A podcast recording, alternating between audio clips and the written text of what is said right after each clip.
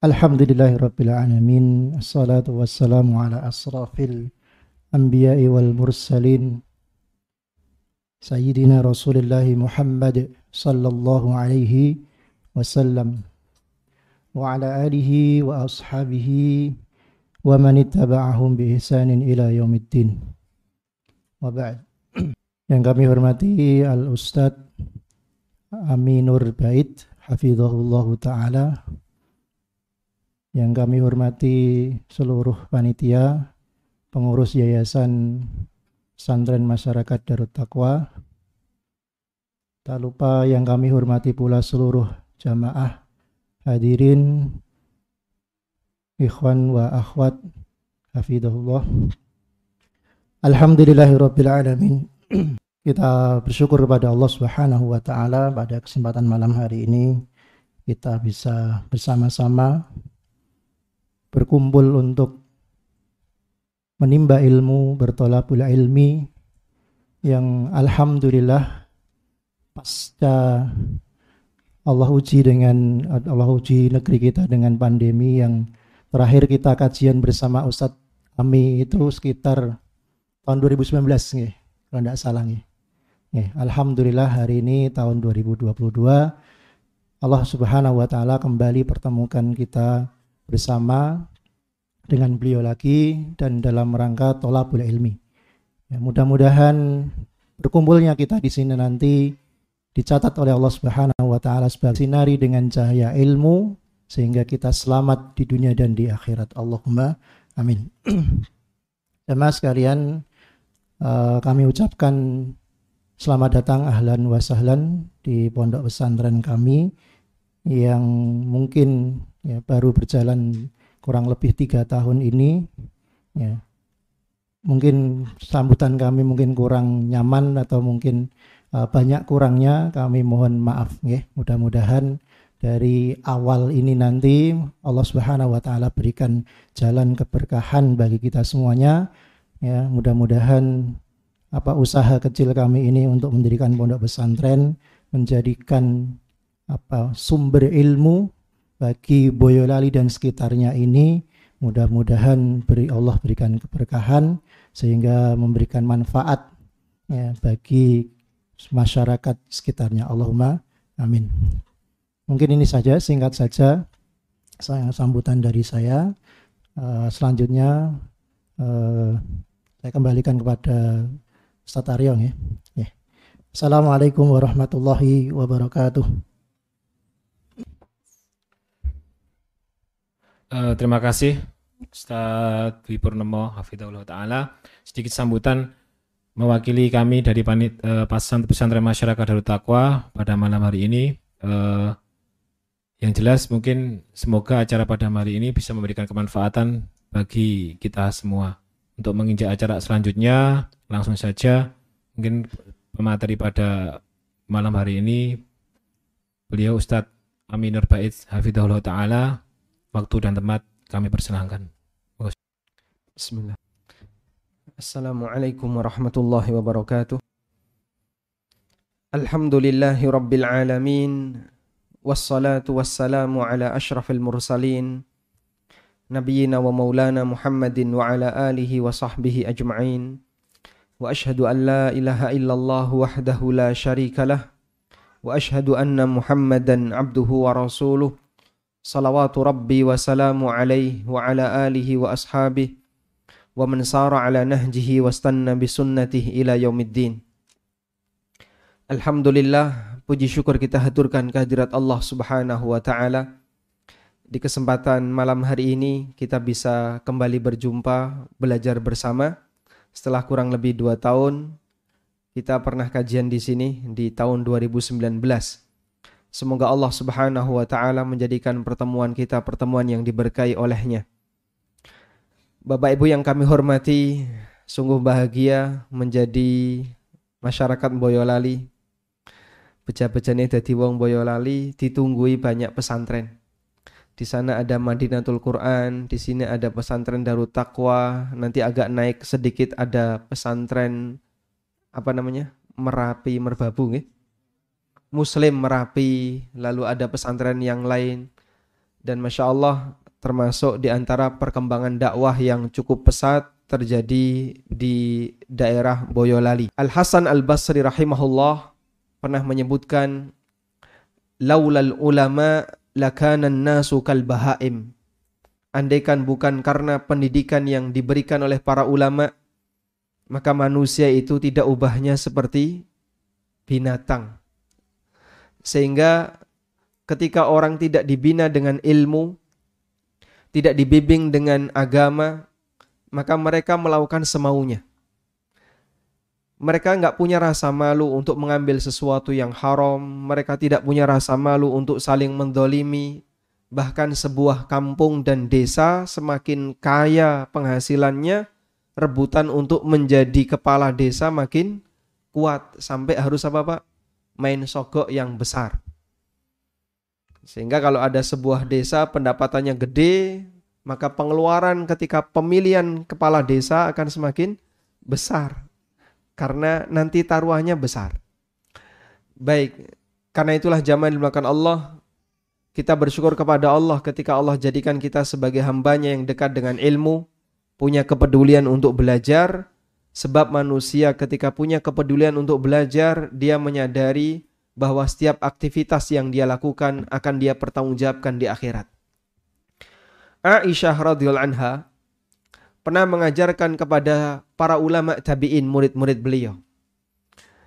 Yang beliau ajarkan pertama kali adalah beberapa surat pendek. Di juz 30, juz 29, juz 28. Lalu ada yang merasa kenapa pelajarannya tidak langsung pelajaran tingkat lanjut. Pelajaran misalnya langsung membahas surat Al-Baqarah atau surat yang panjang. Kemudian beliau radhiyallahu anha mengatakan, "Kenapa kalian tidak begitu semangat ketika mempelajari surat-surat Al-Mufassalat?" Surat Mufassalat itu apa? Surat yang ayatnya pendek-pendek. Dan surat Mufassalat dimulai dari surat Qaf yang ada di juz 26 sampai surat An-Nas. Aisyah radhiyallahu anha mengatakan, Inna awwala ma nuzila ilan Nabi sallallahu alaihi wasallam al-mufassalat.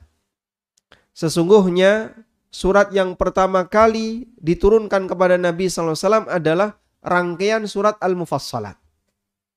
Rangkaian surat al-mufassalat adalah surat yang berada di bagian akhir dari Al-Qur'an.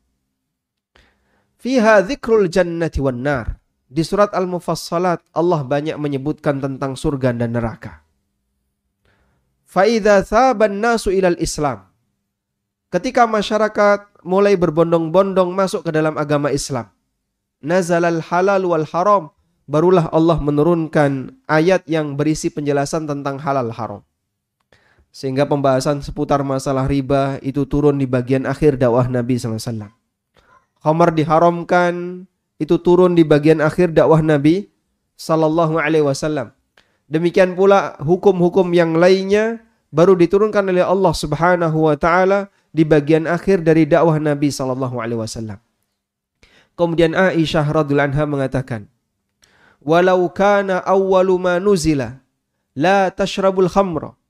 Andaikan yang pertama kali diturunkan kepada Nabi SAW adalah ayat yang berisi larangan, La tashrabul khamra.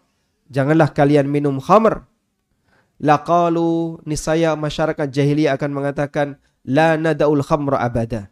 Kami tidak akan tinggalkan khamr selamanya. Walau kana awwalu ma nuzila la tasnu. Andaikan yang pertama kali turun adalah larangan untuk berzina. Laqalu la nadau zina abada. Tentu mereka akan mengatakan kami tidak akan tinggalkan zina selamanya. Namun Allah Subhanahu wa taala mendidik masyarakat musyrikin jahiliyah dengan cara Allah kasih peringatan terkait masalah al-jannah wan nar, terkait masalah surga dan neraka. Sehingga ketika mereka sudah memiliki kesadaran akan akhirat, sudah memiliki kesadaran akan adanya hari kiamat, barulah Allah kasih aturan. Dan ketika aturan itu turun, sikap mereka Masya Allah, mereka selalu mengedepankan prinsip Sami'na wa ata'na. Kami dengerin dan kami taati. Sebab mereka tahu setiap perbuatan yang mereka lakukan akan dipertanggungjawabkan di akhirat. Karena itu salah satu di antara cara untuk memberikan pendidikan mukaddimah bagi masyarakat adalah perbaikan terkait akidah, perbaikan terkait tauhid, terutama penekanan kepada iman terhadap hari akhir. Karena ketika seorang hamba punya iman yang lurus terhadap hari akhir, keyakinan yang kuat terhadap hari akhir, insya Allah dia akan lebih bisa menyesuaikan dengan aturan yang diturunkan oleh Allah sebab dia menyadari bahwa semua yang dia lakukan dalam kehidupan ini pasti akan diapakan, Pak? Dipertanggungjawabkan di di akhirat. Kajian kali ini mengangkat tema penyesalan manusia di yaumil akhir. Penyesalan manusia di akhirat. Yang ini adalah tema yang sangat berat karena bisa jadi yang bicara di hadapan Bapak Ibu semuanya juga akan menghadapinya. Karena setiap manusia di akhir zaman, setiap manusia di akhirat mereka semua akan melakukan penyesalan. Allah Subhanahu wa taala menyebut hari akhir salah satunya dengan nama Yaumul Hasrah. Salah satu di antara nama akhirat adalah apa? Yaumul Hasrah. Allah Subhanahu wa taala berfirman di surat Maryam, "Wa anzirhum yaumal hasrati idz qudiyal amru wa hum fi ghaflatin wa hum la yu'minun." di surat Maryam ayat 39. Wa anzirhum berikan peringatan kepada mereka. Yaumal hasri, yaumal hasrati dengan keberadaan hari akhirat yang disebut oleh Allah dengan yaumul hasrah. Hari penyesalan. Disebut sebagai hari penyesalan karena setiap hamba ketika itu mereka menyesal. Orang yang jahat menyesal, orang yang baik menyesal, orang kafir menyesal, yang mukmin juga menyesal. Semua semua manusia mereka menyesal. Orang yang baik menyesal, apa yang disesalkan? Kenapa dulu saya tidak semakin baik, tidak memperbanyak kebaikan itu semaksimal mungkin? Orang yang jahat menyesal kenapa dulu berbuat jahat. Orang yang kafir menyesal kenapa dia kafir. Orang yang mukmin menyesal kenapa amalnya kurang. Sehingga semua manusia mengalami penyesalan. Maka Allah Subhanahu wa taala menyebut hari kiamat dengan yaumul hasrah, hari penyesalan karena semua makhluk ketika itu menyesal di hadapan Allah Subhanahu wa taala. Dan Allah Subhanahu wa taala sebutkan di akhir surat Al-Fajr. Yaqulu ya laitani qaddamtu li hayati. Yaqulu ya laitani qaddamtu li hayati mereka mengatakan, Ya laitani qaddamtu li hayati. Sungguh celakalah aku terhadap apa yang telah aku lakukan di masa silam. Dan itu berlaku baik orang yang saleh maupun orang yang tidak saleh, orang yang taat maupun orang yang suka maksiat. Semuanya mengalami penyesalan di yaumil akhir. Sehingga ketika seorang hamba menyadari hal ini, maka dia akan menyiapkan diri apa yang harus aku lakukan. Kalaupun aku tidak bisa menghindari kondisi penyesalan itu, minimal jangan sampai menyesal kebablasan. Karena ketika orang itu pada saat di hari kiamat dan penyesalannya sangat berat, berarti dia akan mendapatkan hukuman yang sangat berat. Sehingga minimal kalaupun kita tidak bisa menghindari penyesalan, paling tidak kita mengurangi tingkatan penyesalan pada waktu kita di hari kiamat.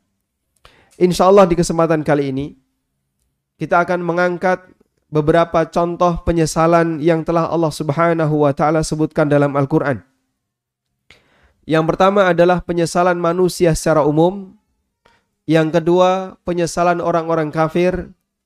Dan yang ketiga, penyesalan orang-orang yang beriman serta amal apa saja yang ditunjukkan dalam dalil yang ketika itu ditinggalkan menyebabkan orang itu punya penyesalan yang besar. Jamal makan Allah Subhanahu wa taala secara umum semua manusia menyesal ketika di yaumil akhir. Orang yang baik maupun orang yang jahat. Sebagaimana dalam ayat yang tadi kita baca di akhir surat Al-Fajr Allah Subhanahu wa taala mengatakan bagaimana penyesalan manusia di hari di hari kiamat. Ya laitani qaddamtu li hayati. Sungguh betapa celakalah aku Betapa celakanya aku terhadap apa yang telah aku lakukan. Fayauma idzil la yu'adzibu adzabahu ahad. Pada hari ini tidak ada yang sehebat azab yang telah diberikan oleh Allah Subhanahu wa taala. Fayauma idzil la yu'adzibu adzabahu ahad. Tidak ada satupun yang bisa memberikan azab sebagaimana azab yang diberikan oleh Allah. Azabnya luar biasa. Wala yuthiku wathaqahu ahad. Dan tidak ada yang memberikan tali kekang yang lebih kuat dan lebih hebat dibandingkan apa yang diberikan oleh Allah Subhanahu wa taala. Lalu ada di antara hamba Allah Subhanahu wa taala yang diselamatkan oleh Allah. Ya ayyuhatu ya ayyatuhan nafsu al-mutmainnah. Wahai jiwa yang tenang. Irji'i ila rabbiki radiyatan mardiyah.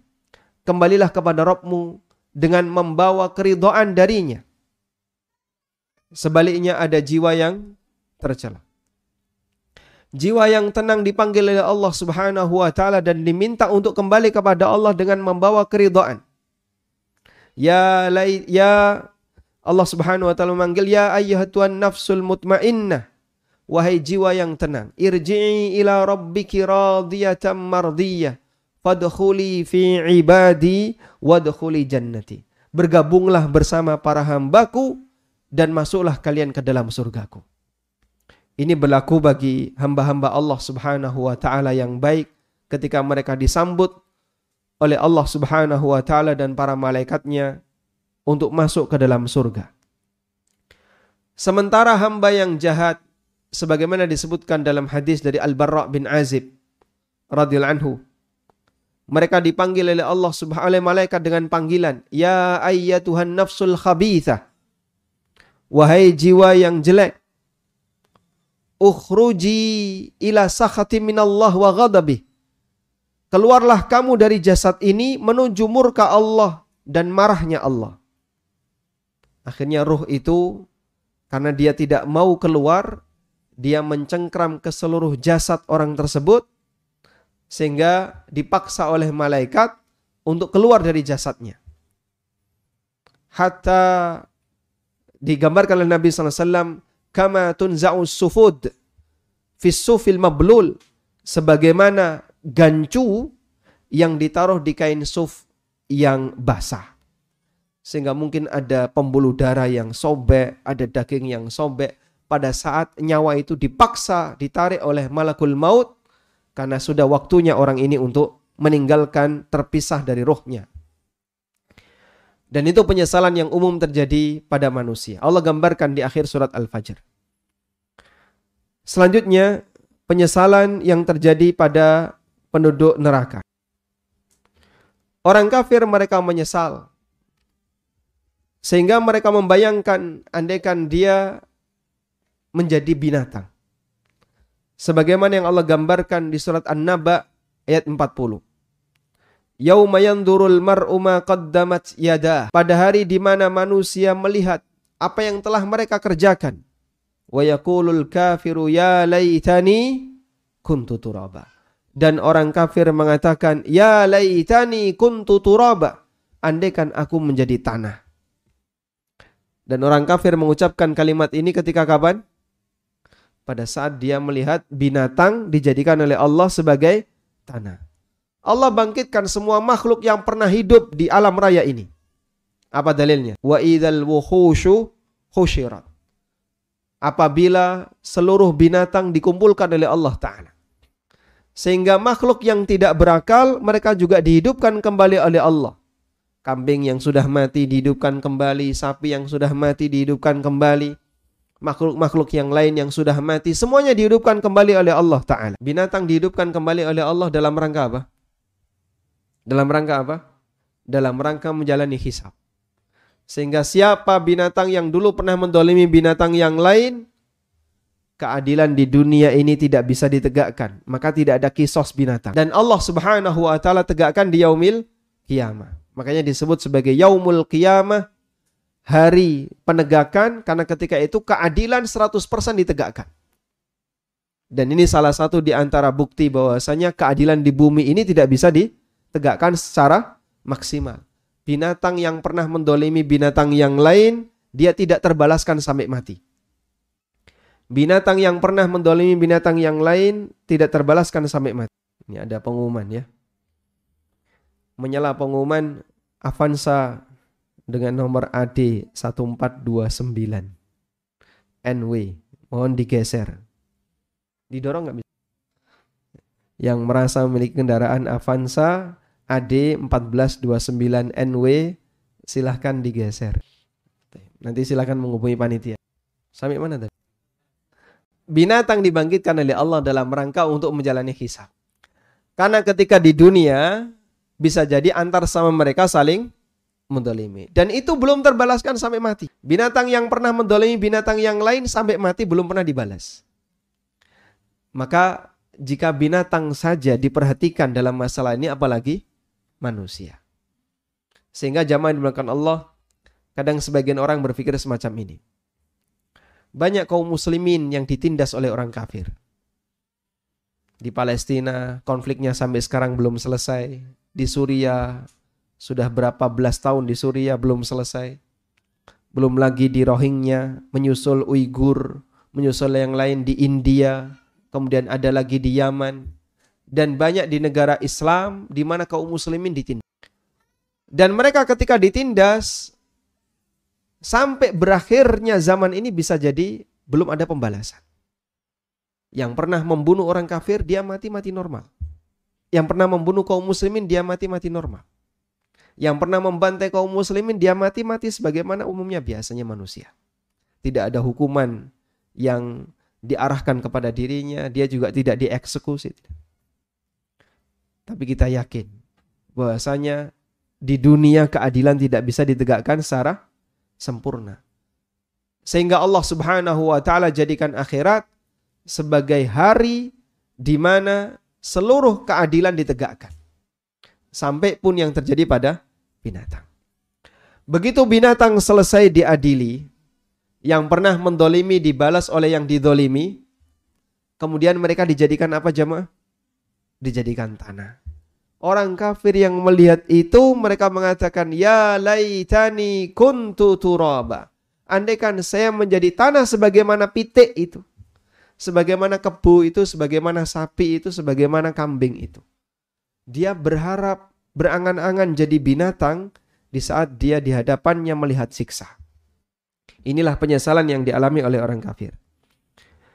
Demikian pula yang Allah Subhanahu wa taala sebutkan di surat As-Sajdah ayat 12. Walau tara idzil mujrimuna nakisu ru'usihim 'inda rabbihim. Walau tara dan ketika kau melihat idzil mujrimuna pada saat orang-orang yang berbuat dosa. Nakisuru usihim, mereka menundukkan pandangan, mereka menundukkan kepalanya. Inda rabbihim di hadapan Rabb mereka. Lalu mereka mengatakan, Rabbana absarna wa sami'na farji'na na'mal salihan inna mukinun. Lalu mereka mengatakan, Ya Rabbi wahai Rabb kami, Rabbana, Rabb, wahai Rabb kami, absarna berikanlah kemampuan kami untuk melihat. Wasami wa rabbana absarna wasami'na. Wahai Rabb kami, kami telah melihat dan kami telah mendengar. Farji'na, karena itu kembalikanlah kami na'mal salihan inna mukinun. Kembalikanlah kami agar kami bisa beramal saleh. Sekarang kami yakin kalau kiamat itu benar. Padahal dulu waktu di hari ketika di dunia mereka ingkar terhadap kehadiran yaumil akhir. Demikian pula di Al-Mu'minun ayat 99 dan ayat 100 Allah taala berfirman hatta idza jaa ahadahumul maut qala rabbirji'un la'alli a'malu salihan fima taraktu kalla innaha kalimatun huwa qailuha wa min waraihim barzakhun ila yaumi yub'atsun apabila telah datang kematian kepada mereka mereka mengatakan rabbirji'un ya Allah kembalikanlah kami ke dunia la'alli a'malu salihah agar aku bisa beramal saleh fima taraktu yang dulu aku tinggalkan. Lalu apa jawabannya? Kalla, tidak mungkin itu bisa terjadi. Innaha kalimatun huwa qailuha. Sesungguhnya itu adalah kalimat yang diucapkan oleh orang-orang itu saja. Wa mi waraihim barzakhun ila yaumi yub'atsun. Di belakang mereka ada barzah, yaitu ada alam kubur sampai terjadinya kiamat. Sehingga mereka tidak bisa lagi kembali ke dunia. Dan masih banyak ayat-ayat yang lain yang menyebutkan penyesalan orang-orang kafir di yaumil kiamah.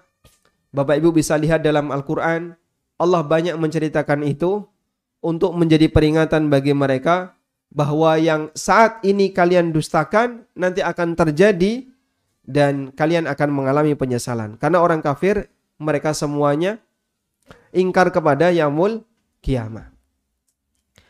Sebagian ulama mengatakan ada tiga titik sengketa antara Nabi Muhammad Sallallahu Alaihi Wasallam dan orang musyrikin. Yang pertama adalah masalah la ilaha illallah. Mereka tidak mau mengatakan la ilaha illallah karena tidak mau mengakui Tuhan hanya satu.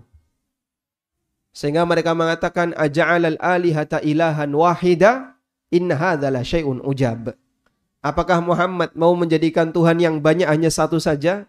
Ini hal yang mengherankan. Kami nggak mau terima. Wa idza qila lahum la ilaha illallah yastakbirun. Dan apabila dikatakan kepada mereka la ilaha illallah, mereka bersikap sombong. Sehingga mereka menolak untuk menjadikan Tuhan hanya satu. Ini titik sengketa yang pertama. Titik sengketa yang kedua adalah tentang status Nabi Muhammad Sallallahu Alaihi Wasallam sebagai utusan Allah. Mereka nggak mau terima dan mereka katakan tidak pantas ada seorang nabi yang dia makan, dia berjalan dan tidak ditemani oleh malaikat. Sebagaimana yang Allah sebutkan di surat Al-Furqan, "Wa ma li hadzal rasuli ya'kulu at-ta'ama wa yamshuna fil aswaq." laula unzila ilaihi malak laula unzila alaihi malakun fayakunu ma'ahu nadhira. Kenapa Rasul ini dia makan, dia juga kadang jalan-jalan di pasar?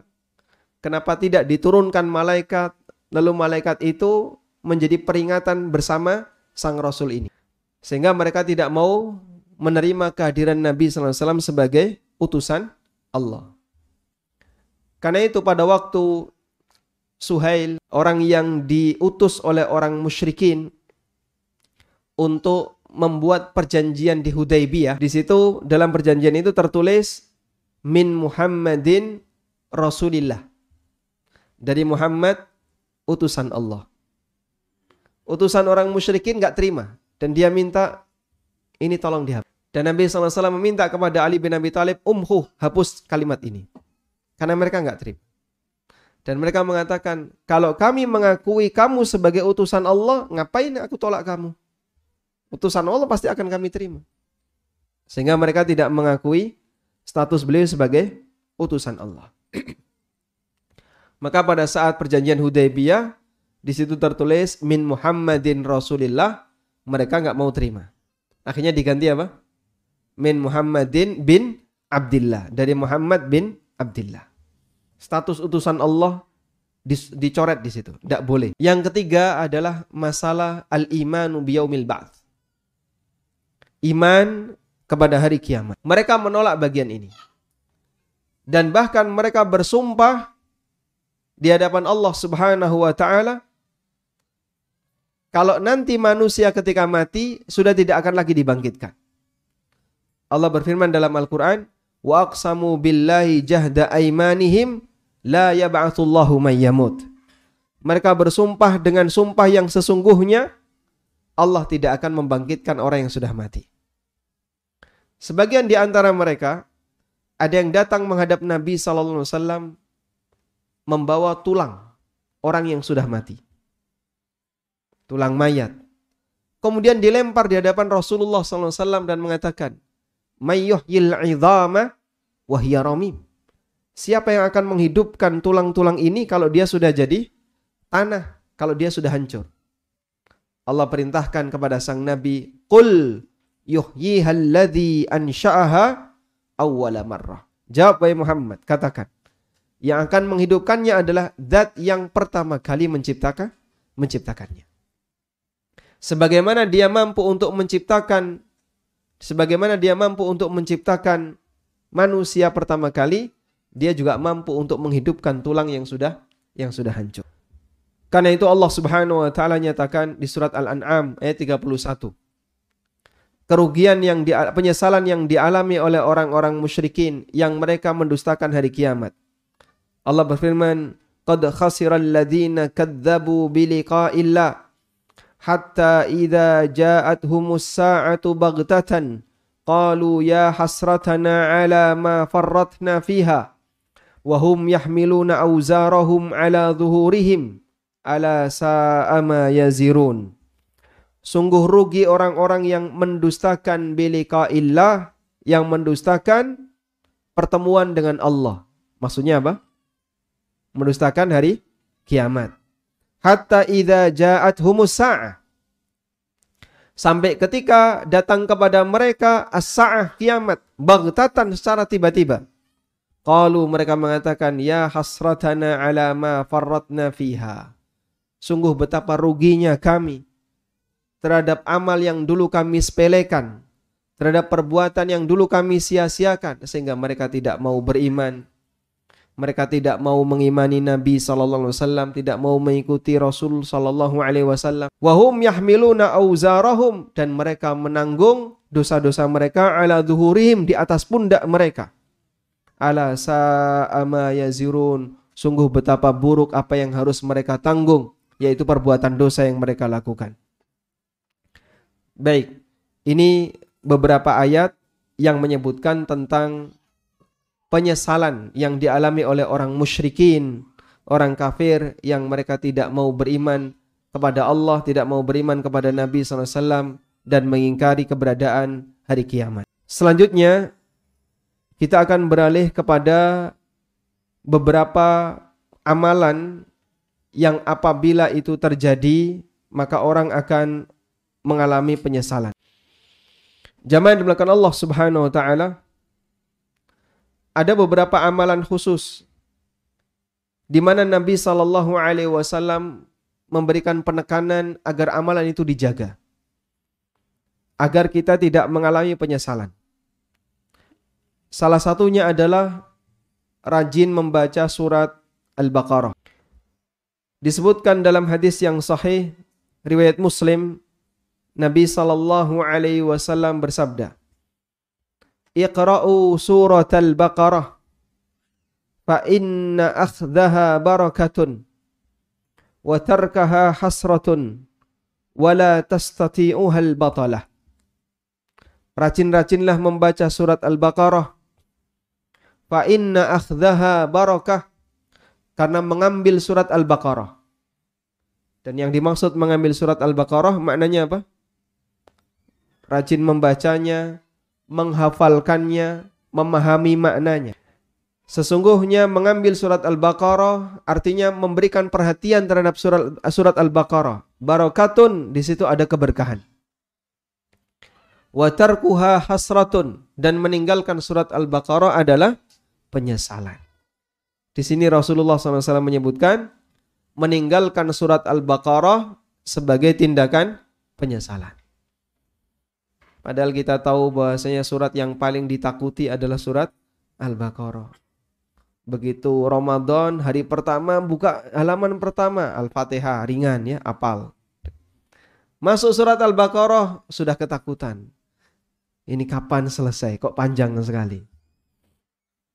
Meninggalkan surat Al-Baqarah termasuk di antara salah satu penyebab penyesalan. Wala tastati'uhal batalah dan al-batalah tidak akan mampu untuk melawan al-baqarah. Dan yang dimaksud dengan al-batalah adalah as-saharah, para tukang sihir. Yang dimaksud dengan al-batalah adalah para tukang sihir. Artinya tukang sihir tidak akan mampu untuk melawan dengan sihirnya ketika orang itu merukyah dengan membaca surat Al-Baqarah. Makanya bagi seorang muslim mukmin yang dia dekat dengan Al-Qur'an, dia tidak takut dengan yang namanya dunia klenik. Kalaupun ada sesuatu yang mengganggu yang tidak kelihatan, dia sudah siap dengan amunisinya. Karena dia tahu Nabi Shallallahu alaihi wasallam menegaskan bahwa tukang sihir tidak akan mampu untuk melawan surat Al-Baqarah. Sehingga Bapak Ibu ketika menjumpai hal yang aneh di dapur ya, jam 12 malam ada bunyi keludak-keludak, itu hanya ada beberapa kemungkinan. Yang pertama kucing, yang kedua tikus. Kalaupun ada yang nggak kelihatan, cara ngusirnya gimana? Bacakan surat Al-Baqarah. Selanjutnya, yang kedua adalah membaca doa kafaratul majlis. Diiringi dengan berzikir pada saat kita bermajlis. Rasulullah sallallahu alaihi wasallam pernah bersabda, "Ma qa'ada qaumun maq'adan lam yadhkuru fihi Allah." Apabila ada sekelompok orang yang sedang duduk lalu mereka tidak menyebut nama Allah. Bermajelis tapi isinya bahas politik. Kalau nggak bahas politik, bahas masalah pemilu sama juga ya. Kalau nggak gitu poligami. Semuanya serba poli, Pak ya. Yang di situ tidak membahas Allah Subhanahu wa taala, tidak menyebut nama Allah Subhanahu wa taala, wa yusallu 'alan 'alan nabi. Dan mereka tidak bersalawat kepada Nabi sallallahu alaihi wasallam illa kana 'alaihim hasratan yaumal qiyamah. Kecuali nanti akan menjadi sumber penyesalan bagi mereka di hari kiamat wa in dakhalul jannata litsawab meskipun bisa jadi orang itu punya kesempatan untuk masuk surga dengan pahala yang mereka punya. Hadis ini dinilai sahih oleh Syalbani dan dimasukkan dalam asil sila as-sahihah. Karena itulah jamaah dimakan Allah pada waktu kita duduk bareng biasanya orang membaca tahiyatul eh, orang membaca kafaratul majlis waktu kapan? Waktu kapan? Kajian waktu kajian atau baca Quran bareng, majelis yang di situ membahas ilmu. Ini majelis yang bagus. Dan pada saat kita melakukan majelis yang bagus, kita menjaga kafaratul majelis. Tapi majelis yang lain yang di situ tidak ada kajiannya. Misalnya majelis apa? Majelis kerenengan, majelis bahas politik, majelis bahas poligami, majelis bahas dagangan dan seterusnya. Jarang sekali kemudian ketika kita bubar membaca tahiyat, membaca kafaratul majelis. Jarang sekali. Padahal yang lebih butuh untuk dibacakan kafaratul majelis yang mana Pak? Majelis yang di situ tidak ada unsur kajiannya, tidak mengingatkan seseorang kepada Allah, tidak ada bersalawat untuk Nabi SAW. Seringnya kita begitu selesai majelis bubar ya sudah selesai. Dan itulah yang dinyatakan oleh Nabi SAW apabila ada orang duduk di satu tempat bermajelis dengan yang lain dan di situ dia tidak menyebut nama Allah, tidak bersalawat kepada Nabi SAW, illa kana alaihim hasratan yaumal qiyamah. Kecuali nanti akan menjadi sumber penyesalan baginya kelak di hari ya. Maka iringi dengan berdakwah. Ya sedikit-sedikit nyinggung kajian. Kemarin saya ikut ngaji di sini, Ustadz menyampaikan beberapa poin seperti ini, seperti ini. Beliau mengingatkan kami seperti ini. Singgung di situ. Sehingga setidaknya ada peringatan Allah yang dibahas di situ. Karena majelis zikrullah itu ada dua makna. Majelis zikrullah ada dua makna. Yang pertama adalah majelis di mana nama Allah kalimat-kalimat tayyibah di situ disebutkan. Berarti misalnya kita duduk di masjid, selesai sholat, kemudian kita berzikir. Atau pada waktu kita kumpul bareng, kemudian kita berzikir. Maka di situ ada majelis yang di sana berisi apa? Zikrullah. Yang kedua adalah majelis di mana peringatan Allah dibahas di sana. Sehingga dalam majelis itu ada kajian tentang masalah ilmu ada kajian tentang masalah Al-Quran atau hadis Nabi Sallallahu Alaihi Wasallam. Karena makna zikrullah itu dua ini. Yang pertama kata Allah sebagai objek, sehingga arti zikrullah di situ adalah menyebut Allah dalam kalimat-kalimat tayyibah. Dan yang kedua kata Allah sebagai subjek. Sehingga makna dari kata zikrullah adalah peringatan yang diturunkan oleh Allah. Sebab jumlah idhofah atau kalimat frase maka mudhof ilai itu bisa berstatus sebagai fa'il, bisa berstatus sebagai maf'ul. Dan dalam kalimat zikrullah ini jumlah apa? Idhafah, kalimat frase. Posisi mudhaf, mudhaf ilaih di situ bisa berstatus sebagai fa'il, bisa berstatus sebagai maf'ul. Kata Allah kalau berstatus sebagai fa'il, maka artinya adalah peringatan yang diturunkan oleh Allah. Sehingga majelis zikrullah adalah majelis yang membahas peringatan yang diturunkan oleh Allah. Dan di situlah makna dari keterangan Atta bin Abi Robah ketika beliau menjelaskan tentang majelis zikir kata beliau majlisun yudhkaru fihi halal wal haram. Majelis yang di sana disinggung masalah halal dan haram. Karena halal haram adalah peringatan dari siapa? Dari Allah Subhanahu wa taala. Atau yang kedua kata Allah di situ berstatus sebagai maf'ul sehingga makna zikrullah adalah menyebut Allah yaitu dalam kalimat-kalimat tayyibah sehingga dalam majelis itu disinggung zikrullah orang membaca subhanallah, alhamdulillah, la haula wala quwata illa billah minimal di bagian muqaddimah. Sehingga saat di bagian muqaddimah dia menyampaikan bismillah walhamdulillah wassalatu wassalam ala rasulillah. Berarti dia sudah apa? Menyebut Allah dalam pujian. Dan ketika itu diucapkan dalam sebuah majelis, maka berarti majelis itu sudah beriringan dengan zikrullah. Insya Allah majelis seperti ini tidak ada unsur penyesalan di yaumil kiamah. Tapi kalau sama sekali tidak ada zikrullah, maka di majelis itu akan menjadi sumber penyesalan di hari kiamat. Ngusik, ngusik. Aku tak ngomong sih ya. Alhamdulillah wassalatu wassalamu ala rasulillah. Masya Allah. Coba kalau seperti itu gimana Pak? Hah?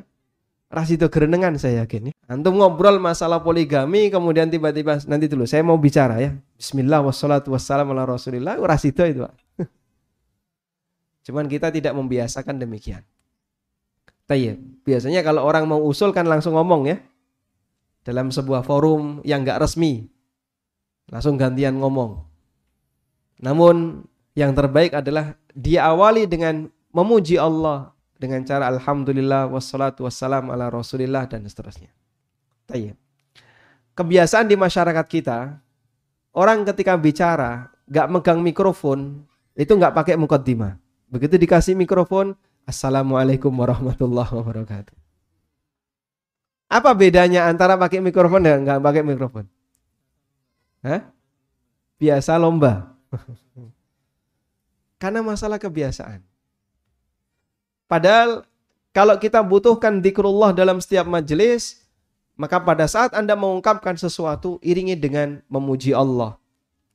Bersyukur kepada Allah, mensucikan Allah, dan kalimat-kalimat yang semisal agar majelis itu tidak menjadi sumber penyesalan di yaumil akhir. Minimal pada waktu mau bubar, salah satu tolong ingatkan baca doa kafaratul majlis. Sekarang ada pertanyaan. Pak boleh nggak misalnya salah satu di antara kita mengingatkan, mari kita baca doa kafaratul majlis bersama-sama. Loh ini berarti ngajak dikir jama'i. Apa tidak termasuk perbuatan bid'ah? Tayyib. Ada penjelasan yang disampaikan oleh Syekh Dr. Abdullah Al-Jibrin rahimahullah. Beliau menyampaikan begini. Memang pada prinsipnya ketika ada salah satu orang yang memberikan ajakan semacam ini bisa terhitung sebagai ajakan dikir jama'i. Tapi kalau maksud beliau adalah mengingatkan yang lain biar turut berzikir tanpa harus diseragamkan, insya Allah itu yang sesuai sunnah. Sebagaimana praktek yang dilakukan oleh Abu Hurairah dan Ibnu Umar radhiyallahu anhuma di mana mereka datang ke pasar ketika masuk tanggal 1 Dzulhijjah lalu mengeraskan takbiran Kemudian penduduk pasar semuanya ikut takbiran. Sehingga yang bisa antum lakukan begitu bubar majelis antum ucapkan subhanakallahumma wa bihamdika asyhadu an la ilaha illa anta dengan suara keras biar yang lain nurut ikut. Yang lain juga ngikut. Insya Allah ini masuk dalam kategori man sanna fil islami sunnatan hasanah. Siapa yang dia memprakarsai perbuatan yang baik dalam Islam, maka siapa pun yang mengikutinya akan mendapatkan dia akan mendapatkan pahala dari semua yang mengikutinya. Tayyib. Minimal membaca kalimat itu semoga itu jadi kafaroh atas obrolan yang kita lakukan selama satu jam, setengah jam, sekian jam. Yang itu sama sekali tidak membahas zikrullah di bagian akhir. Keraskan bacaan subhanakallahumma wa bihamdika. Asyhadu an la ilaha illa anta. Biar yang lain mengikuti. Wallahu ta'ala alam. Sudah masuk isya? Kita akan dengarkan adzan isya terlebih dahulu. Lalu selanjutnya lanjut sedikit materi, kemudian baru tanya jawab. Demikian wasallallahu ala nabiyyina Muhammadin wa ala alihi wa sahbihi wasallam. Ala Rasulillah wa ala alihi wa sahbihi wa mawalah. Wa ashhadu an la ilaha illallah wahdahu la syarika lah. Wa ashhadu anna Muhammadan abduhu wa rasuluh. Disebutkan dalam hadis dari Abu Hurairah radhiyallahu anhu, riwayat Abu Dawud, At-Tirmidzi, dan yang lainnya dinilai sahih oleh Syalbani. Rasulullah sallallahu alaihi wasallam bersabda, "Man jalasa fi majlisin fakathura fihi lagatuhu." Siapa yang duduk di sebuah majlis lalu banyak guyonnya. Dan biasanya kebiasaan kita seperti itu. Kalau sudah duduk bareng temannya, yang dilakukan adalah saling membuli siapa yang paling pinter dianggap berprestasi. Sehingga jadilah forum itu jadi forum saling membuli. Banyak guyonnya. Faqala qabla ayyakuma min majlisihi dhalik. Lalu sebelum dia berdiri dari majlis itu dia membaca kalimat Subhanakallahumma wa bihamdika ashhadu an la ilaha illa anta astaghfiruka wa atubu ilaik.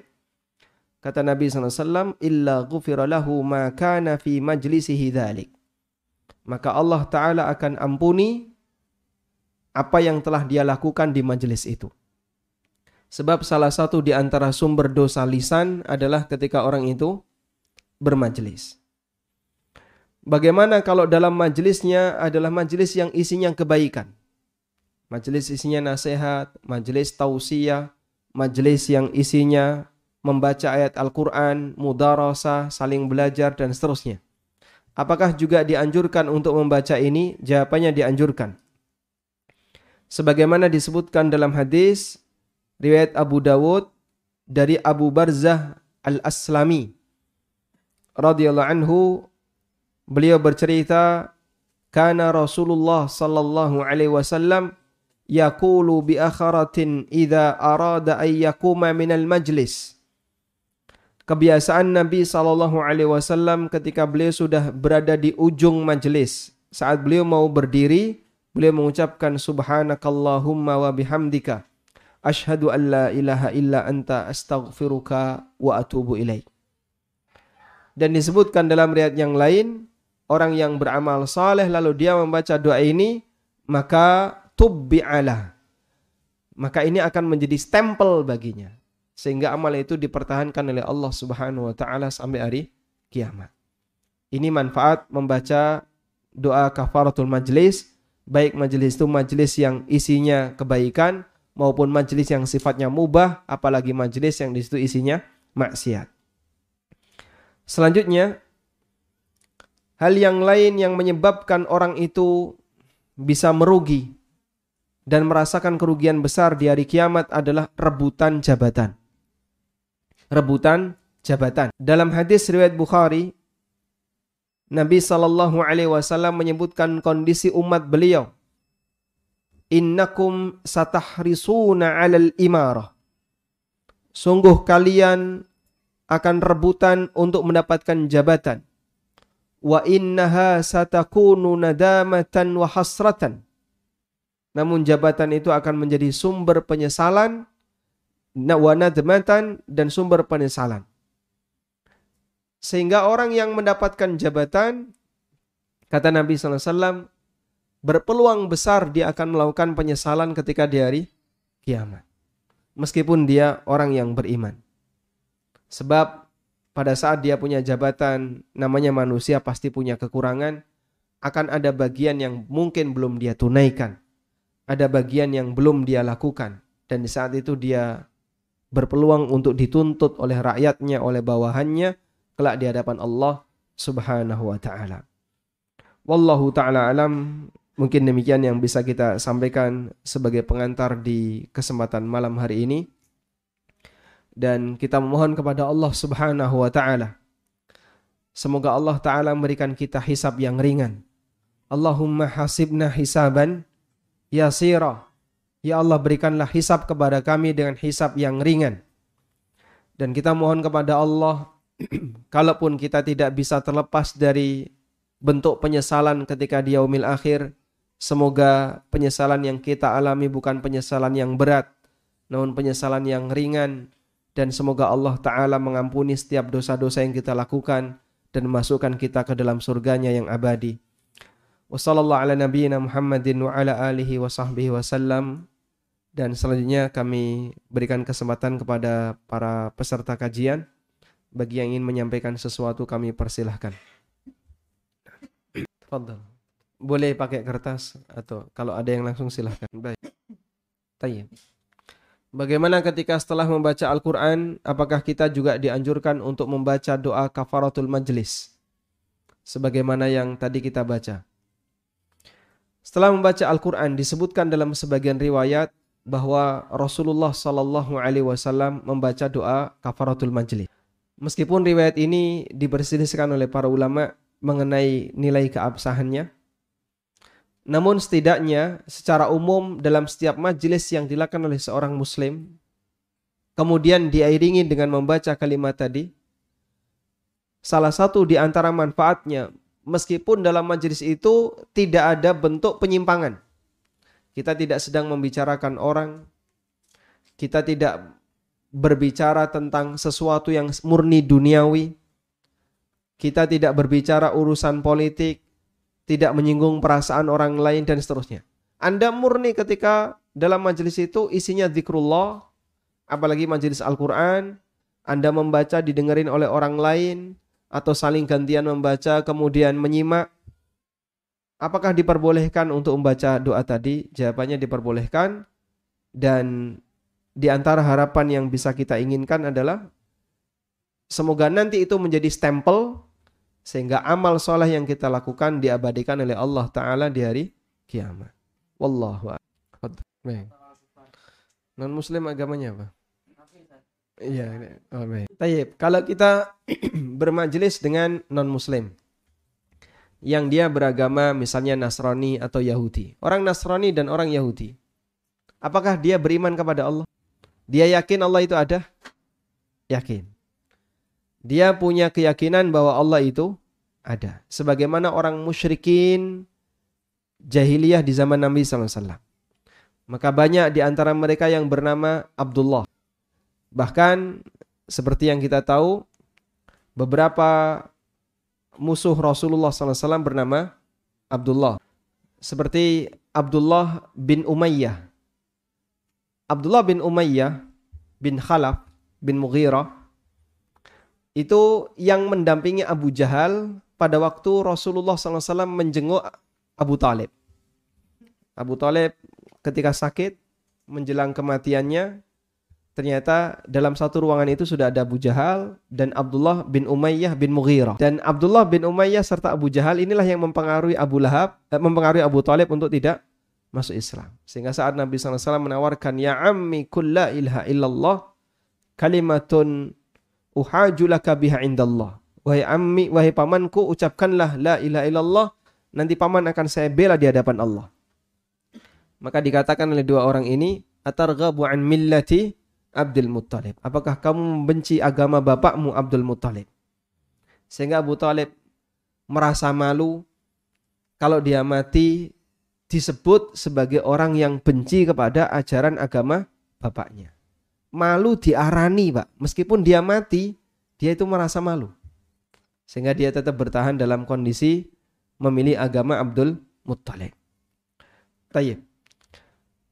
Nah, ketika kita bermajelis dengan non-muslim lalu kita mengucapkan alhamdulillah dan seterusnya. Yang saya ketahui mereka juga kadang mengucapkannya. Sehingga ada sebagian orang Nasrani kadang mengucapkan alhamdulillah. kadang mengucapkan Allahu Akbar, Astagfirullah, Alhamdulillah. Alhamdulillah yang sering ya.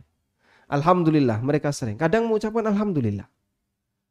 Entah tiru-tiru orang mukmin atau mungkin bisa jadi dia itu dulu waktu kecil beriman, lalu dia murtad. Sehingga bawaan ketika dia masih muslim terbawa sampai ketika dia berada di agama yang baru, yang dia anut saat ini. Maka tidak masalah kalau kita tetap mengucapkan Alhamdulillah, Subhanallah, La haula wa la quwata di hadapan mereka. Dan itu tidak disalahkan, kecuali yang tidak boleh adalah menyampaikan salam kepada mereka. Namun kalau dalam satu kelompok itu ada muslim, ada non-muslim, kita memberi salam dengan niat untuk ditujukan kepada muslim, hukumnya boleh. Sementara untuk zikir yang lain silahkan disampaikan. Tidak ada masalah. Masalah ditertawakan dan tidak, dulu Nabi SAW mengucapkan La ilaha illallah, mereka tertawa. Mereka bersikap sombong. Sampai memberikan bantahan, Aja'al al-alihata ilahan wahida, inna hadha la ujab. Apakah Muhammad mau menjadikan Tuhan yang banyak hanya jadi satu saja? Sungguh ini adalah hal yang mengherankan. Wallahu a'lam. Masya Allah. Berarti yang nyembelih korban itu kan sembelih. oh binatang buah. Tayyip. Yang pertama begini.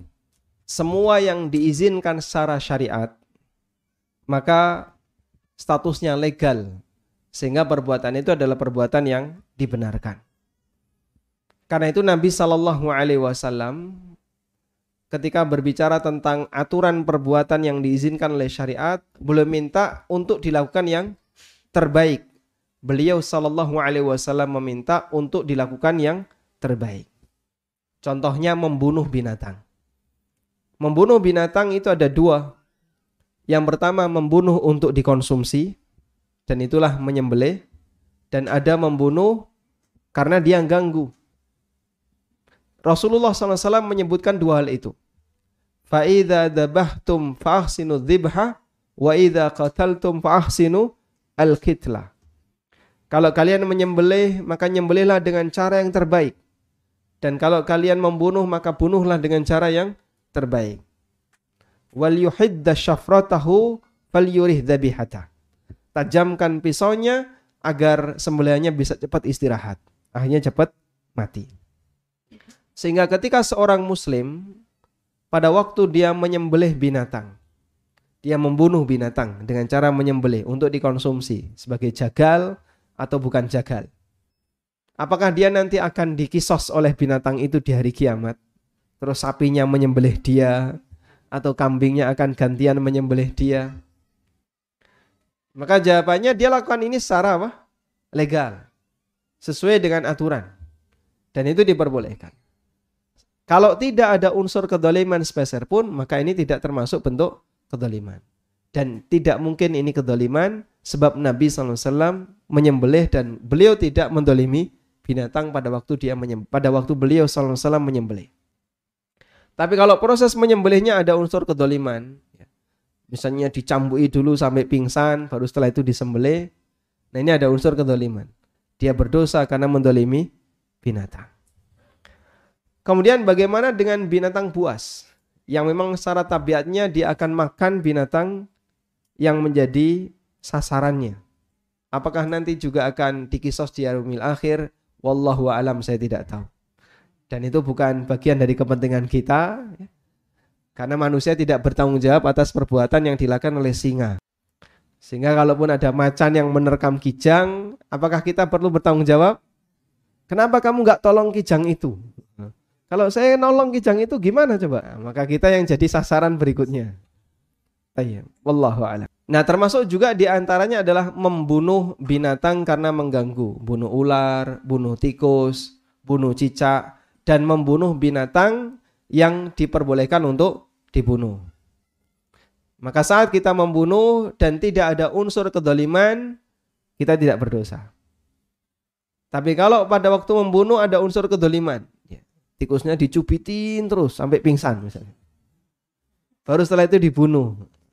Nah kalau kayak gini berdosa karena apa? Mendolimi. Kadang ya, nyun sewu.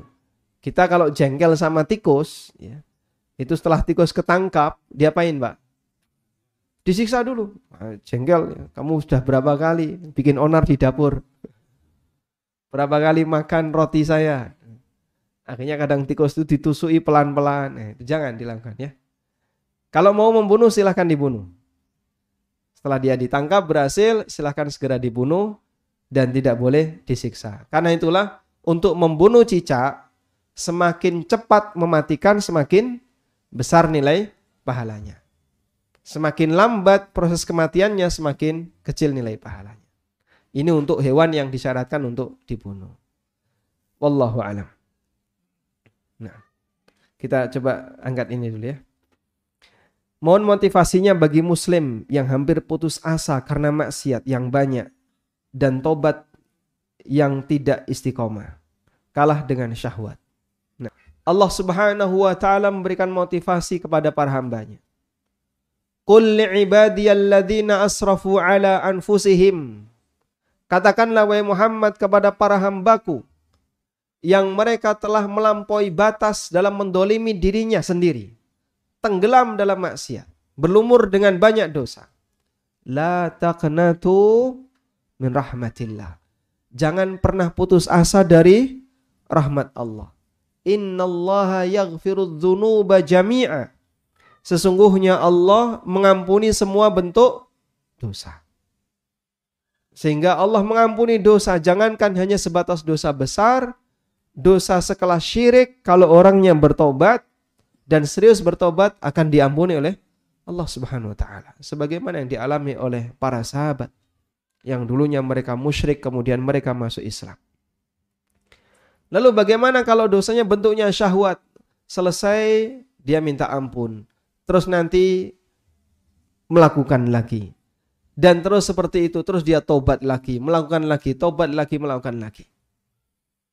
Hal semacam ini pernah diajukan oleh para sahabat. Mereka mengadu kepada Nabi SAW, Ya Rasulullah, kita kalau berada di hadapan Anda, seolah-olah surga dan neraka ada di hadapan kita. Para sahabat ketika berada di majelis Nabi SAW, seolah-olah surga dan neraka ada di hadapannya.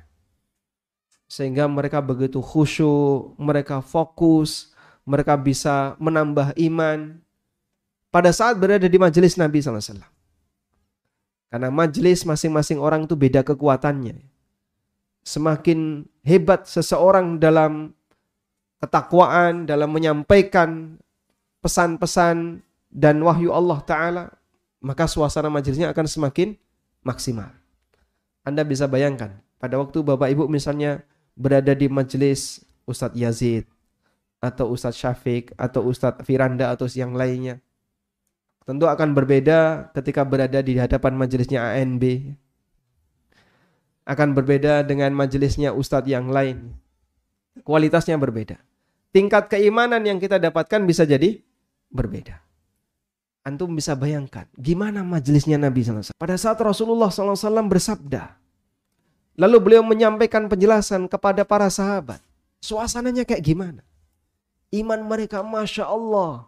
Kita aja yang berada di majelis kayak gini kadang merasa iman kita sudah naik. Saya mendapatkan kelezatan iman pada saat kita berada di majelis Ustadz Fulan, Ustadz Fulan. Antum bisa bayangkan kalau kita berada di majelisnya Rasulullah SAW. Betapa iman itu naik begitu cepat. Maka para sahabat membayangkan seolah-olah surga dan neraka ada di hadapannya. Tapi begitu meninggalkan majelis ini, kumpul bersama keluarga, balik ke pasar, balik ke kebun, balik ke kegiatan sehari-hari, maksiat dilakukan. Kemudian mereka bertobat, lalu mereka ngulang maksiat lagi. Kemudian Nabi Shallallahu Alaihi Wasallam mengatakan kepada para sahabat, yang waktu itu ada yang menyampaikan demikian. Andaikan kalian tidak pernah berdosa, kalau kalian tidak pernah berdosa, maka Allah Subhanahu wa taala akan membinasakan kalian semuanya. Lalu Allah ciptakan makhluk yudnibuna wa yatubun. Yudnibuna wa yatubun, yudnibuna wa yatubun. Dia berdosa lalu dia bertobat, dia berdosa lalu dia bertobat, berdosa lalu dia bertobat. Maka sebagaimana syahwat kita selalu mengajak kita untuk mengulang maksiat, iringi dengan perasaan dan husnudon kepada Allah, Allah akan selalu menerima taubat dari para hambanya selama dia mau serius untuk bertobat. Sehingga nanti kita bertobat. Setelah maksiat, muncul maksiat lagi, bertobat lagi. Dan Allah tidak akan pernah bosan untuk menerima taubat hamba. Beda dengan kita ya. Kowe wis bolak balik salah, saya ingin ngapura. Wis, saya gak tak ngapura. Itu manusia. Orang kalau ada orang berbuat salah kepada dia, salah sekali, baik saya maafkan. Dua kali saya maafkan. Tiga kali, biasanya dia ngomong apa, Pak? Ngomel dia, komentar. Wes bolak balik tak kandani, jangan melakukan seperti itu. Ini yang terakhir ya, besok lagi sudah nggak saya maafkan. Karena kekuatan manusia dalam memaafkan itu terbatas. Tapi Allah Subhanahu wa taala Raufur Rahim. Ar-Rahman, Ghafur, Raufun bi'ibadi. Maha belas kasihan dengan para hambanya. Dan dia menciptakan kita dengan ada kekurangan yang ada pada diri kita. Maka jangan pernah bosan untuk selalu bertobat kepada Allah meskipun kita sering untuk mengulang perbuatan maksiat itu. Dan salah satu di antara cara agar kita tidak kembali mengulang maksiat itu adalah anda cegah dari awal faktor yang bisa menyebabkan maksiat itu berulang. Contohnya apa Pak? Kalau mau tidur tolong data dimatikan. Data tolong dimatikan. Sudah. Jauhkan HP dari tempat tidur. Kalau Anda butuh alarm ya yang penting suaranya terdengar, tangan tidak bisa jangkau insya Allah lebih ah, aman.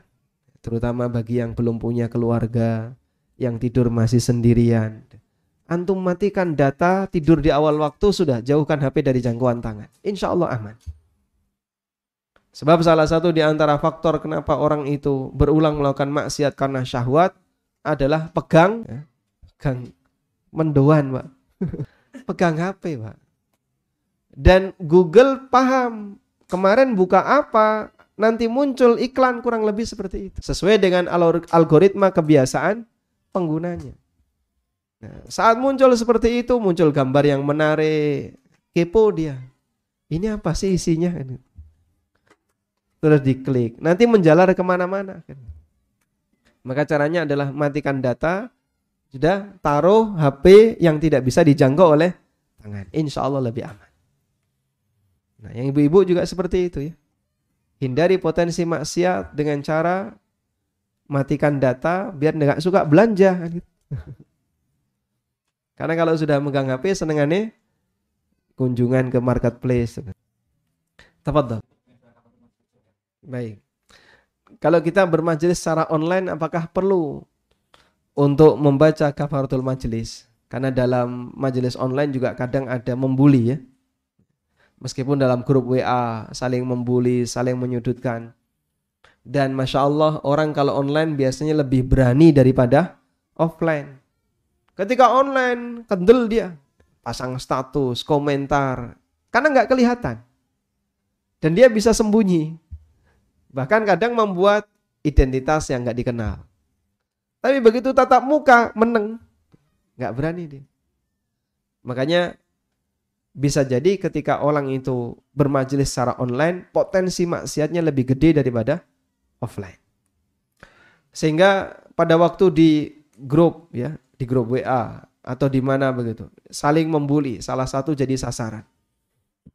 Apakah perlu diiringi dengan kafaratul majelis? Jawabannya perlu diiringi dengan kafaratul majelis. Dengan cara diingatkan kepada yang lain, tobat kepada Allah, sudah kita akhiri aja ini. Jangan dilanjutkan untuk saling membuli, dan antum bisa baca kalimat kafaratul majlis tidak harus ditulis ya, dalam rangka untuk menjadi kafarah dari apa yang kita lakukan dalam majlis tersebut. Wallahu a'lam. Assalamualaikum warahmatullahi wabarakatuh. Waalaikumsalam warahmatullahi wabarakatuh. Bagaimana menyikapi orang yang mendebat tentang hukum riba? Tayyib muslim sepakat bahwa riba itu haram. Selama dia orang muslim dan Islamnya sudah artinya bukan mu'allaf, pasti dia tahu kalau riba itu haram. Sehingga kita yakin setiap muslim itu sepakat bahwa riba itu haram. Karena itu kalau sampai ada seorang muslim yang mengatakan riba tidak haram, riba tidak haram, ini bisa sampai keluar dari Islam. Sebab tentang hukum haramnya riba termasuk di antara perkara yang disebut oleh para ulama dengan istilah ma'lumun minad din Bagian dari agama yang diketahui oleh semua orang dan mengingkari hukum yang statusnya ma'lumun minad din bagian dari agama yang diingkari yang diketahui oleh semua orang, mengingkari bagian ini masuk dalam kategori perbuatan istihlal, menghalalkan apa yang Allah haramkan. Atau mengingkari hukum Allah Subhanahu wa taala dan itu termasuk di antara pembatal keislaman. Karena itu untuk haramnya riba, kaum muslimin sepakat riba haram. Ya? Karena yang namanya riba, hukum riba haram hampir diketahui oleh semua muslim. Sebagaimana khamr itu haram, sebagaimana judi haram, sebagaimana babi itu haram dan seterusnya. Namun apakah sebuah transaksi yang dilakukan oleh bank tertentu statusnya riba, nah dalam hal ini memang ada perbedaan pendapat. Sehingga bagi mereka yang melakukannya, mereka menganggap apa yang aku lakukan ini bukan riba. Karena dia anggap itu bukan riba, saat dia melakukannya, dia santai saja. Tidak ada beban dosa. Karena bagi dia ini bukan riba.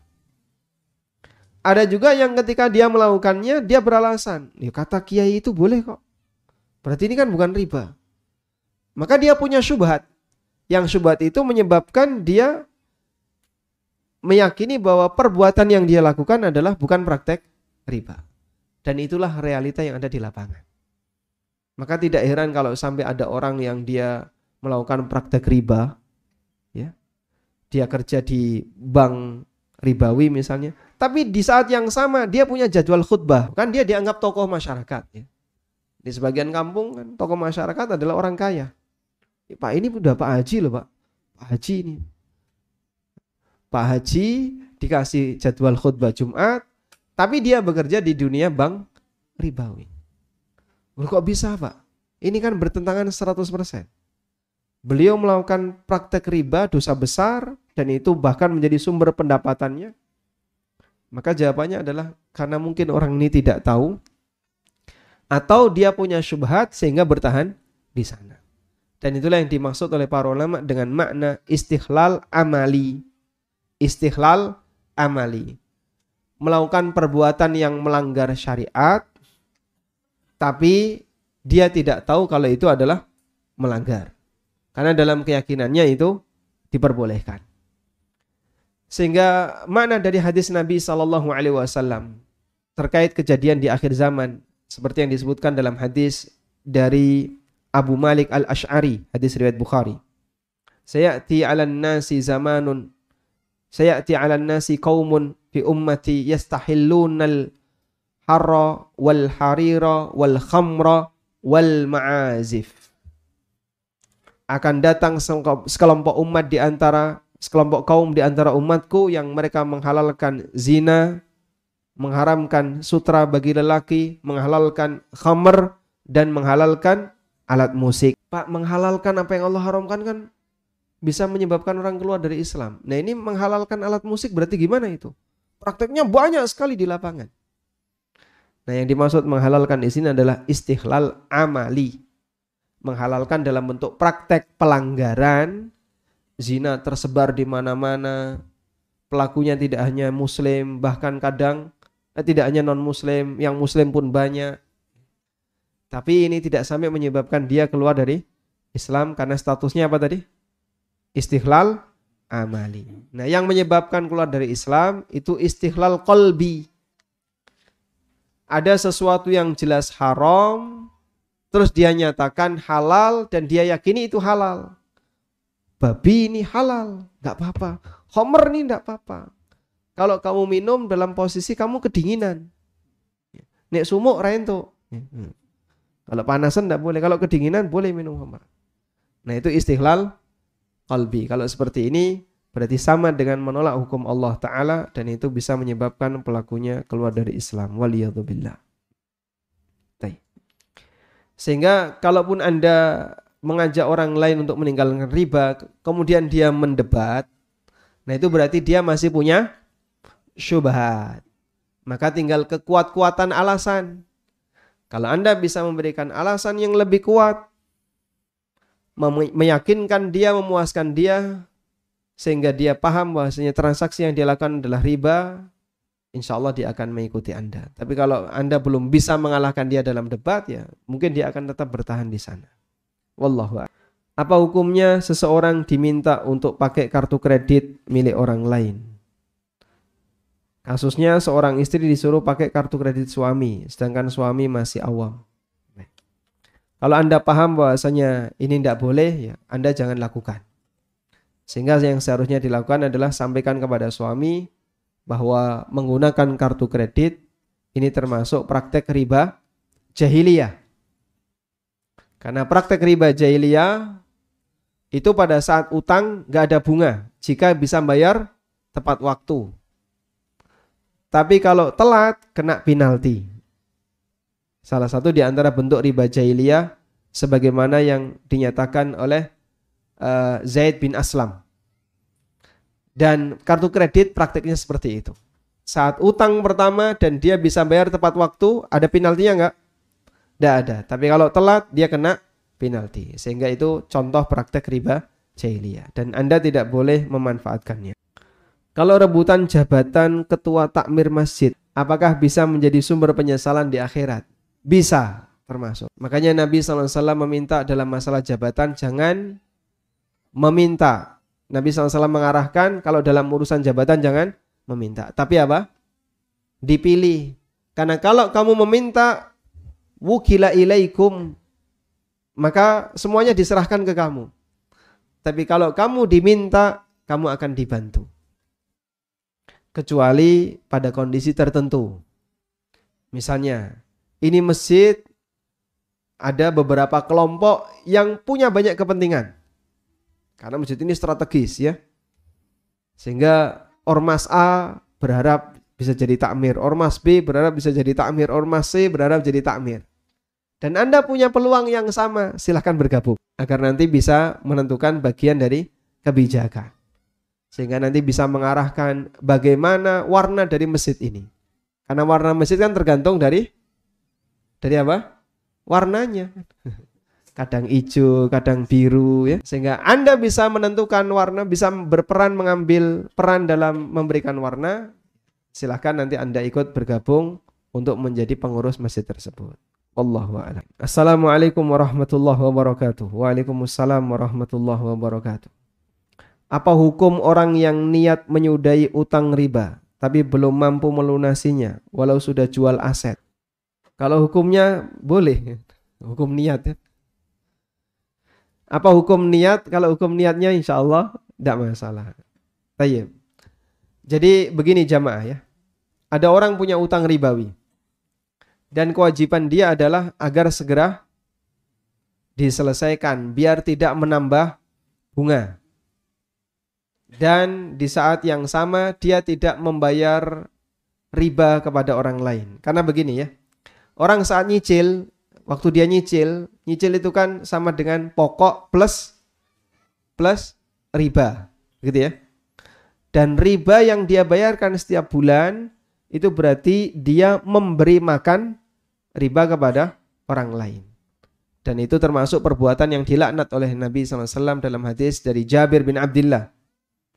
La'ana Rasulullah SAW akila riba wa mukila. Rasulullah SAW melaknat orang yang makan riba dan yang memberi makan riba. Maka kenapa orang yang punya utang ribawi itu diminta untuk segera dilunasi? Karena kalau dia tertib sesuai jadwal, sehingga jadi nasabah yang istiqomah dan disiplin, tiap bulan dia bayar, tiap bulan sesuai jadwal. Maka tiap bulan dia kena laknat. Bulan ini bayar riba, kena laknat. Bulan besok bayar riba lagi, kena laknat lagi. Dan doa buruk dari Nabi SAW tentu saja sangat menakutkan. Maka di saat itu terjadi pada seorang muslim, dia dituntut gimana caranya biar bisa segera tutup dah sekali bleng waktu sekali dia nutup dia bayar pokok plus Bisa jadi tambah bunganya ya. Waktu itu dia berdosa, sudah selanjutnya sudah sudah putus. Bukan mengulang praktek kesalahan itu tiap bulan. Itulah kenapa kemudian kita diminta bagi yang punya utang ribawi agar segera melunasi. Perjuangkan sebisanya dan kalau bisa dihilangkan penaltinya atau ribanya, bunganya, insya Allah itu yang lebih bagus. Wallahu. Selanjutnya gantian. Saya bertanya Anda menjawab. Pertanyaan yang pertama. Ini hadiahnya ya. Ini untuk apa ini? Hadiah ya? Bukan dijual kan? Bukan. Ada yang mau buku ini? Wah, baik. Antum panitia kan? Pertanyaannya ya. Sebutkan sebutkan tiga keutamaan surat Al-Baqarah. Masya Allah, yang mana? Satu. Hindarkan dari gangguan sihir. Ya, yang ketiga, gimana? Yang ketiga, PR nanti ngumpulnya kapan? Tadi yang kita singgung tadi. Alhamdulillah, barakallahu fikum. Baik. Selanjutnya, sebutkan tiga titik sengketa antara Nabi SAW dengan orang musyrik. Siapa tadi yang duluan? Nah, Fadal, berdiri ya. Di belakang kamera. Silakan. Satu. Yang ketiga. Masya Allah. Yang pertama apa tadi? Mereka tidak mengakui masalah la ilaha illallah. Yang kedua, tidak mengakui status Nabi Muhammad SAW. Yang ketiga, Masya Allah. Barakallah fikum. Dapat tadi.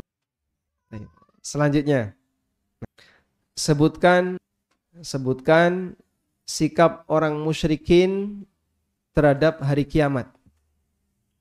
Silahkan. Yang kedua, pertama tidak percaya hari kiamat. Yang kedua, mereka apa? Mereka tidak percaya pada Rasul dan Allah. Yang ketiga, kelas berapa mas? Kelas 5, Masya Allah. Barakallahu fikum ya. Berani angkat tangan, silahkan maju mas. Ya. Sikap orang orang musyrikin kepada hari kiamat. Yang pertama, tidak beriman kepada hari kiamat. Yang kedua, mereka menganggap orang yang mati tidak di tidak diapa orang yang mati tidak diapakan tidak dibukan betul sekali masya Allah yang ketiga tulang yang hancur tidak bisa dibangkitkan barakallahu fikum dapat tadi ya masya Allah kelas berapa tadi oh kelas satu sudah naik sekarang ya untuk ibu-ibu ada gimana cara jawab Hah? Tidak ada ya Baik, diwakili suaminya. Selanjutnya ya. Selanjutnya, sebutkan secara umum perkataan Aisyah tentang surat Mufassal tadi. Silahkan, Pak. Aisyah mengatakan bagaimana? Surat apa, Pak? Surat Qaf. Qaf, bukan Allah Qaf ya, surat Qaf. Nah, bukan ditentang, Pak. Saat mengkajinya kenapa nggak langsung Barakallahu Masya Allah. Oh gitu. Baik. Pertanyaan yang terakhir ya. Pertanyaan yang terakhir.